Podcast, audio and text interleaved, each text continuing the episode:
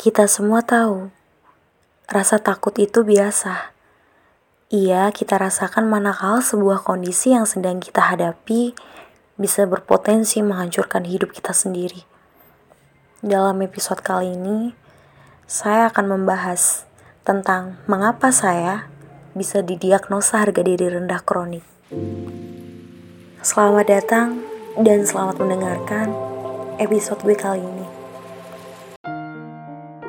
Gue lahir 27 Desember 99 Di mana sekarang gue masih umur 22 Ya intinya masih muda lah.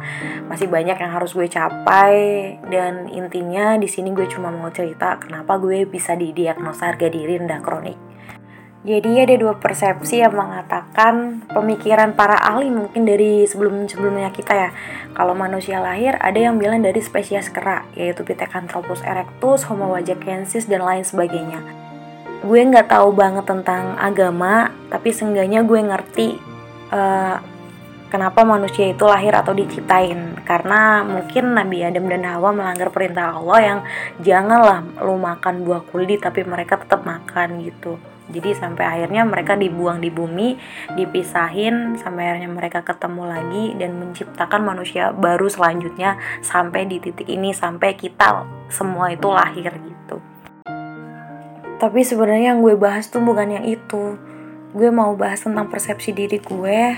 Kenapa kok bisa gue didiagnosa harga diri rendah kronik sampai sekarang? Even pas gue kecil tuh kayak bokap nyokap gue tuh nggak paham sama apa yang gue pikirin dalam diri gue tentang gue yang kayak gini. Jadi waktu itu gue sempat uh, nanya ke bokap nyokap tentang gue beda kayak gini kan gue otomatis nanya dong ke mereka maaf kenapa kok uh, aku dilahirin kayak gini? Emang uh, dulunya tuh gimana gimana gimana gitu kan. Sampai akhirnya gue tahu gue nggak berani gue nggak bakalan berani lagi buat ngomong itu. Karena ya setiap kali gue nanya mereka tuh cuma nangis gitu loh. Waktu gue sadar kalau gue punya kekurangan itu waktu SD SMP jadi bener-bener waktu SD itu bener-bener kayak ngena banget. Gue sampai nggak punya temen loh gara-gara gue punya kekurangan kayak gini. Gue tuh mikir ya dulu kalau manusia lahir itu ya nyicil gitu. Gue nggak tahu kenapa gue punya persepsi atau pemikiran yang aneh banget yang gak semua orang bisa mikir gini kenapa ya? Kenapa harus mikir manusia lahir itu nyicil? Soalnya gini ketika gue menyadari gue punya kekurangan dan gue punya uh, lihat teman lain kalau teman lain tuh jauh lebih sempurna dari gue dia udah bertumbuh jauh lebih baik daripada gue gue tuh sempat mikir oh ya udah sih nggak apa-apa. Berarti Allah belum ngasih uh, apa namanya bagian yang ini ke gue bagian ini ke gue kayak gitu. Jadi Uh, kalau orang dulu kan bilangnya kalau misalkan ih lu pesek banget gitu kan. Berarti pas pembagian hidung lu nggak datang gitu. Jadi aku uh, uh, omongan orang yang kayak gitu sama pemikiran aku tuh jadiin satu kalau ya udah sih orang uh, manusia kan lahirnya nyicil gitu. Nanti juga tumbuh yang ini nanti juga ini ini ini ini gitu. Saking enaknya banget gue dibully waktu itu waktu SD gue sempet nggak mau sekolah gue nangis terus. Pokoknya kerjaan gue tuh berangkat nangis pulang berangkat nangis pulang. Karena gue nggak mau kenal sama orang. Gue nutup diri banget buat ya berteman sama orang lain. Gue nggak punya teman sama sekali waktu itu. Walaupun gue nggak punya temen tapi patokan sama gue tuh selalu kayak anak gue tuh harus gerak anak gue tuh harus maju gue selalu menghargai usaha nyokap gue yang pengen gue jauh lebih percaya diri dari gue yang sebelumnya dari gue yang suka nutup diri jadi gue yang selalu bisa bersosialisasi sama banyak orang gitu. Jadi waktu itu sempet gue didaftarin masuk ke sanggar tari gue juga sempet didaftarin masuk ke les bahasa Inggris waktu itu. Jadi sebisa mungkin walaupun gue nggak dapet apa namanya teman baik di lingkungan atau circle gue. Seenggaknya gue nanti dapat teman baik di circle yang baru nantinya gitu. Jadi orang tua gue tuh nggak pernah kayak neken gue buat udah deh lu di rumah aja kan lu punya kekurangan gini. Lu kan malu juga kan gak mau keluar keluar nggak kayak gitu. Tapi dia lebih kayak memamerkan anaknya. Ini anak gue tuh bisa ini anak gue tuh mampu ini anak gue tuh sama kayak yang lain gitu loh. Gue tuh sayang banget sih sama orang tua gue dan feedback yang harus gue kasih ke mereka ya gue harus percaya diri gue harus berani dan gue nggak boleh kecewain mereka. Gue harus punya pencapaian yang bikin mereka bangga sama gue intinya orang tua gue itu jadi support system buat gue. Pernah ada satu kata yang sampai sekarang uh, terngiang-ngiang dalam pikiran gue sampai sekarang jadi patokan gue kalau lagi capek sama keadaan itu kayak nyokap gue tuh selalu bilang ayo gerak. Kalau lu nggak gerak lu nggak bakalan bisa maju gitu. Jadi bukan paksaan tapi itu lebih ke motivasi. Kalau gue nggak sosialisasi sama orang gue nggak ngomong sama orang gue nggak bakalan tahu perubahan dunia itu seperti apa gitu. Itu paradigma yang bokap nyokap gue kasih ke gue itu uang. Ibarat uang walaupun dia udah lecek tapi dia tetap bernilai gitu. Jadi orang tua gue selalu nerapin ke gue tuh biarpun kamu gak sempurna, biarpun kamu rusak atau biarpun kamu gak sama kayak yang lain, tapi kamu harus bernilai, kamu harus punya poin lebih, kamu harus punya nilai lebih, kayak gitu. Karena yang membedakan kita dengan orang lain itu bukan kerangka kita, bukan organ kita, bukan tubuh kita, tapi isi kepala kita gitu. Orang tua gue selalu bilang gitu ke gue. Jadi gue ngerasa ya gue sama kayak kayak yang lain gitu. Jadi rasa kepercayaan gue tuh naik. Gue jadi bisa nerima diri gue sendiri. Gue jadi bisa kayak bersosialisasi tenang sama orang lain gitu sampai akhirnya gue paham dan gue tahu bahwa pertanyaan gue tuh memberatkan mereka dan gue tuh nggak berani buat cerita atau buat nanya lagi pertanyaan yang seperti ini ke mereka. Karena bener-bener ini real datangnya ya dari Allah gitu loh. Gue dikasih kekurangan kayak gini ya Allah yang ngasih dan uh, orang tua tuh eh, nggak uh, bisa ngehandle. Gue pengen punya anak yang kayak gini gue juga nggak bisa handle. Gue pengen lahirnya kayak gini kayak gini gini, gini.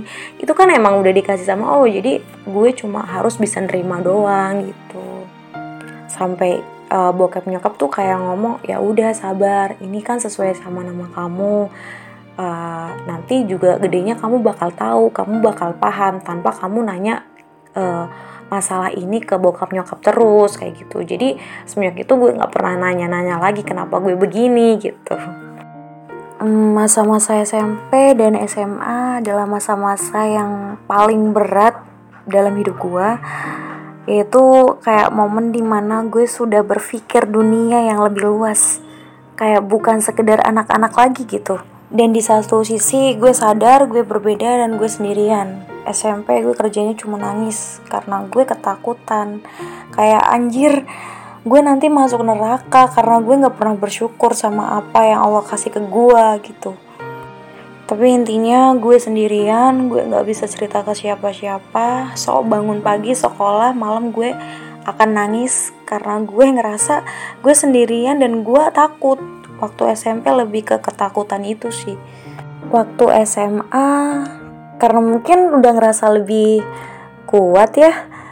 Udah ngerasa punya tenaga buat melawan dunia gitu.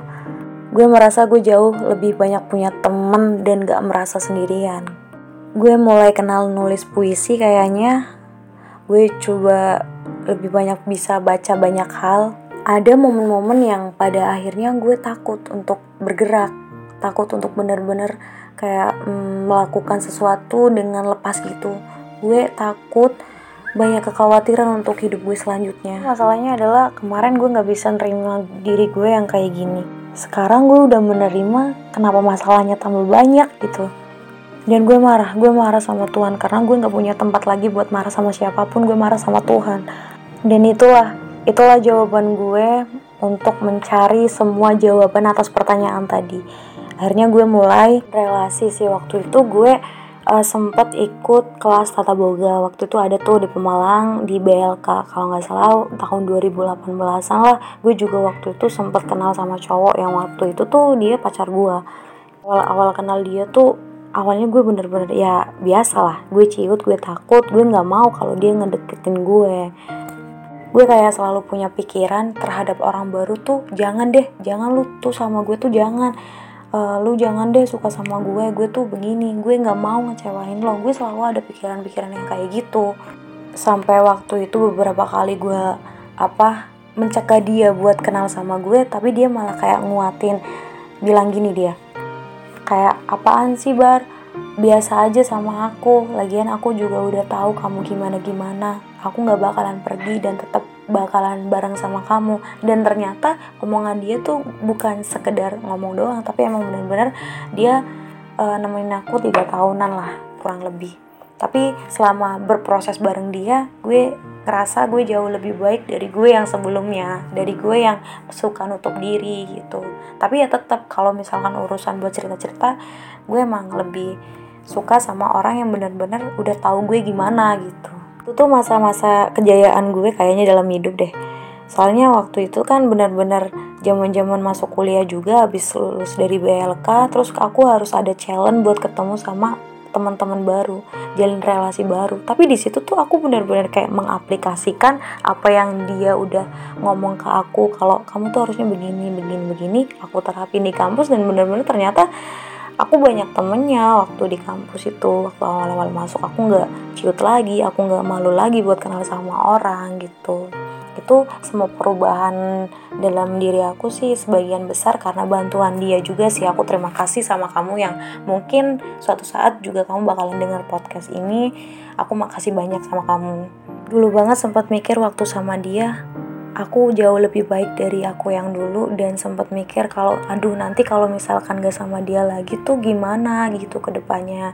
Sampai aku tuh kayak takut banget buat kayak cari masalah sama dia tuh takut banget. Walaupun nantinya dia nyakitin aku sampai gimana pun walaupun nanti hubungan gue hubungan gue sama dia uh, setoksik apa pun gue tetap bisa maafin dia. Yang penting gue tetap sama-sama dia dan itu sebenarnya nggak baik sih.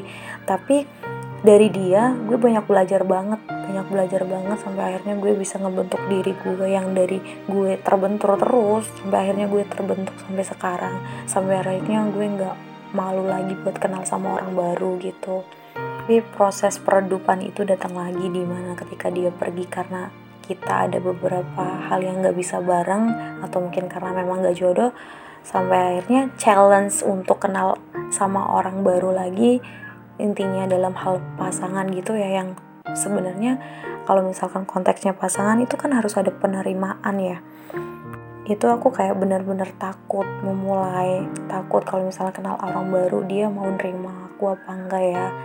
Nerima aku yang kayak gini apa enggak ya? Gitu. Dia sama enggak ya sama masa lalu aku yang bener-bener apa adanya banget lah untuk aku kayak gitu. Hmm, sempet waktu itu kenal sama beberapa temen cowok sama beberapa uh, orang gitu ya. Ternyata mereka cuma bilang di mulut doang terima-terimanya tapi ternyata akhirnya mereka tetap bisa ninggalin aku gitu aja mungkin karena kekurangan aku gitu. Jadi itu sih yang bikin aku ngerasa capek untuk kenal sama orang baru bikin aku ngerasa takut takut nantinya aku bakal ngecewain mereka karena kekurangan aku. Takut karena aku terlalu berekspektasi tinggi menaruh harapan besar ke orang lain orang lain yang nantinya mau bakalan aku pengennya sih aku seriusin gitu. Takutnya gitu. Intinya dalam hal pencarian pasangan untuk atas dasar penerimaan diriku yang seperti ini itu gak gampang.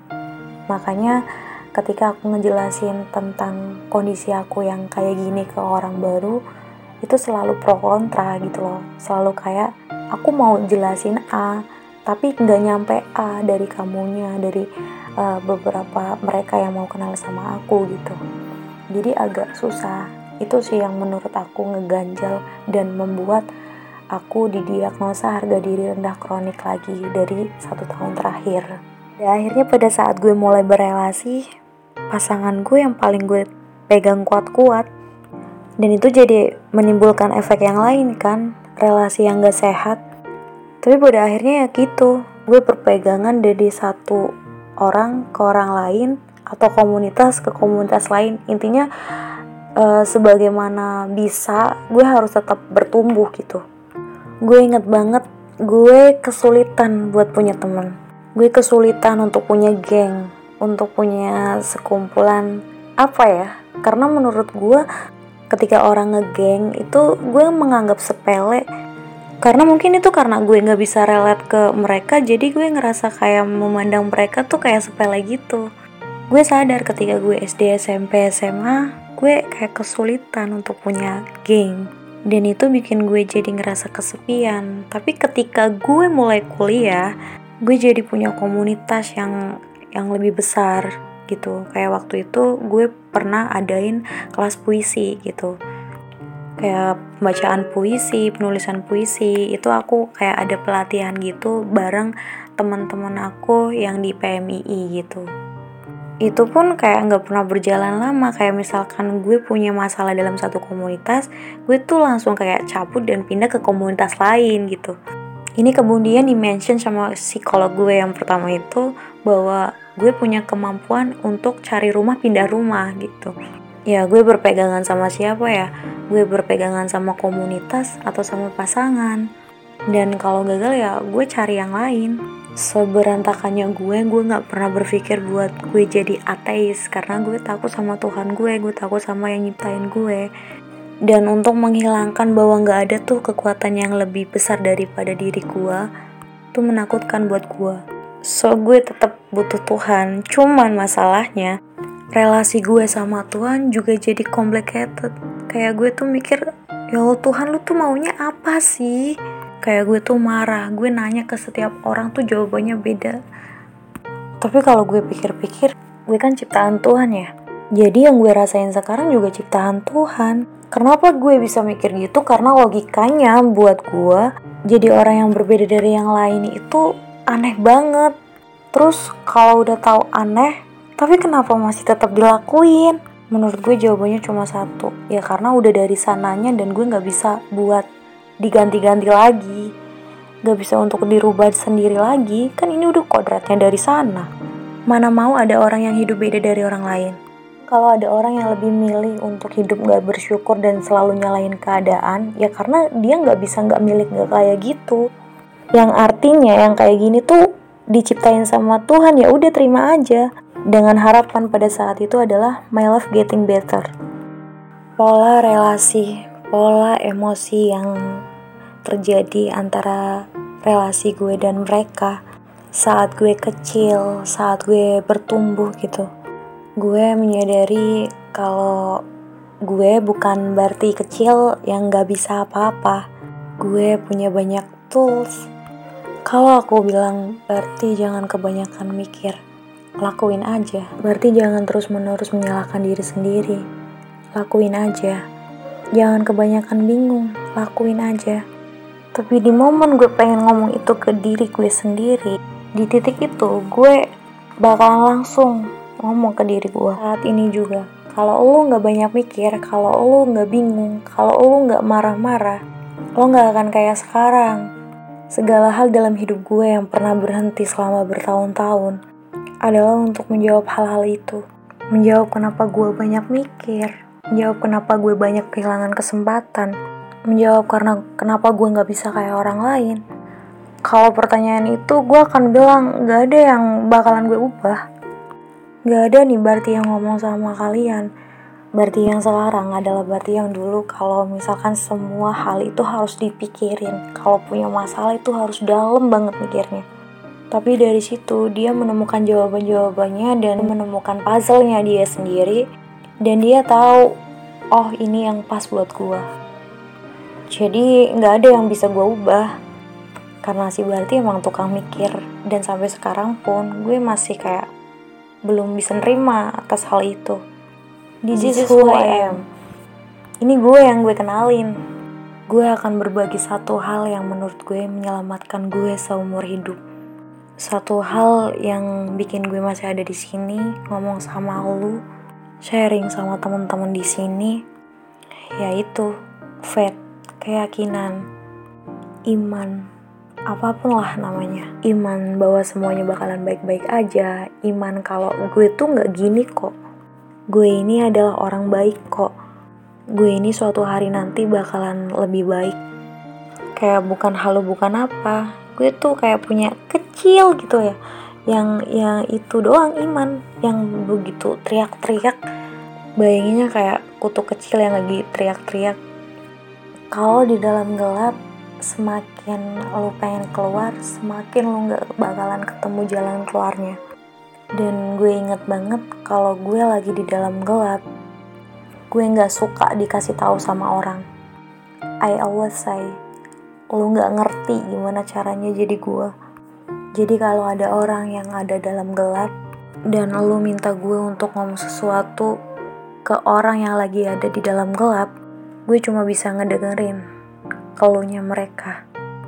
Karena kalau gue ngasih tahu the shortcut journey dan yang gue tahu adalah semua orang punya prosesnya masing-masing, punya waktunya masing-masing dan itu yang gue terapin dalam hidup gue kalau waktunya lagi di dalam gelap, ya di dalam gelap nanti ada waktunya mereka bangkit, ada waktunya jalan, lari, terus kejeduk, terus jatuh, terus sakit lagi. Ya udah, omongan gua gak akan bisa ngerubah orang. Ini sebuah realita yang gue sadari di beberapa minggu terakhir hidup gue di usia 20-30 tahunan nanti hidup gue adalah soal penjawab pertanyaan. Kayak berarti itu siapa? Berarti itu maunya apa? Berarti itu mau ngapain? Berarti itu mau dianggap sebagai apa? Itu nggak bisa gue jawab. Gue bingung. Saking bingungnya, gue takut dan kalut. Saking takutnya, akhirnya gue freeze. Gue nggak bisa buat ke mana-mana gitu. Kupikir seharusnya kenyataan ini membuat siapa pun, aku dan kamu, berpikir dua kali tentang definisi menjadi sempurna. Kalau ternyata fisik kita tak berarti apa pun untuk siapa-siapa, mengapa seumur hidup harus takut atas penerimaan orang lain terhadap diri kita? Yang salah bukan kurangmu, tapi caramu melihat itu. Ketahuilah, kita tak perlu jadi sempurna untuk merasa diri kita sempurna. Tak perlu menunggu sempurna untuk dapat berterima, bersyukur, dan berbahagia. Apa adanya kita.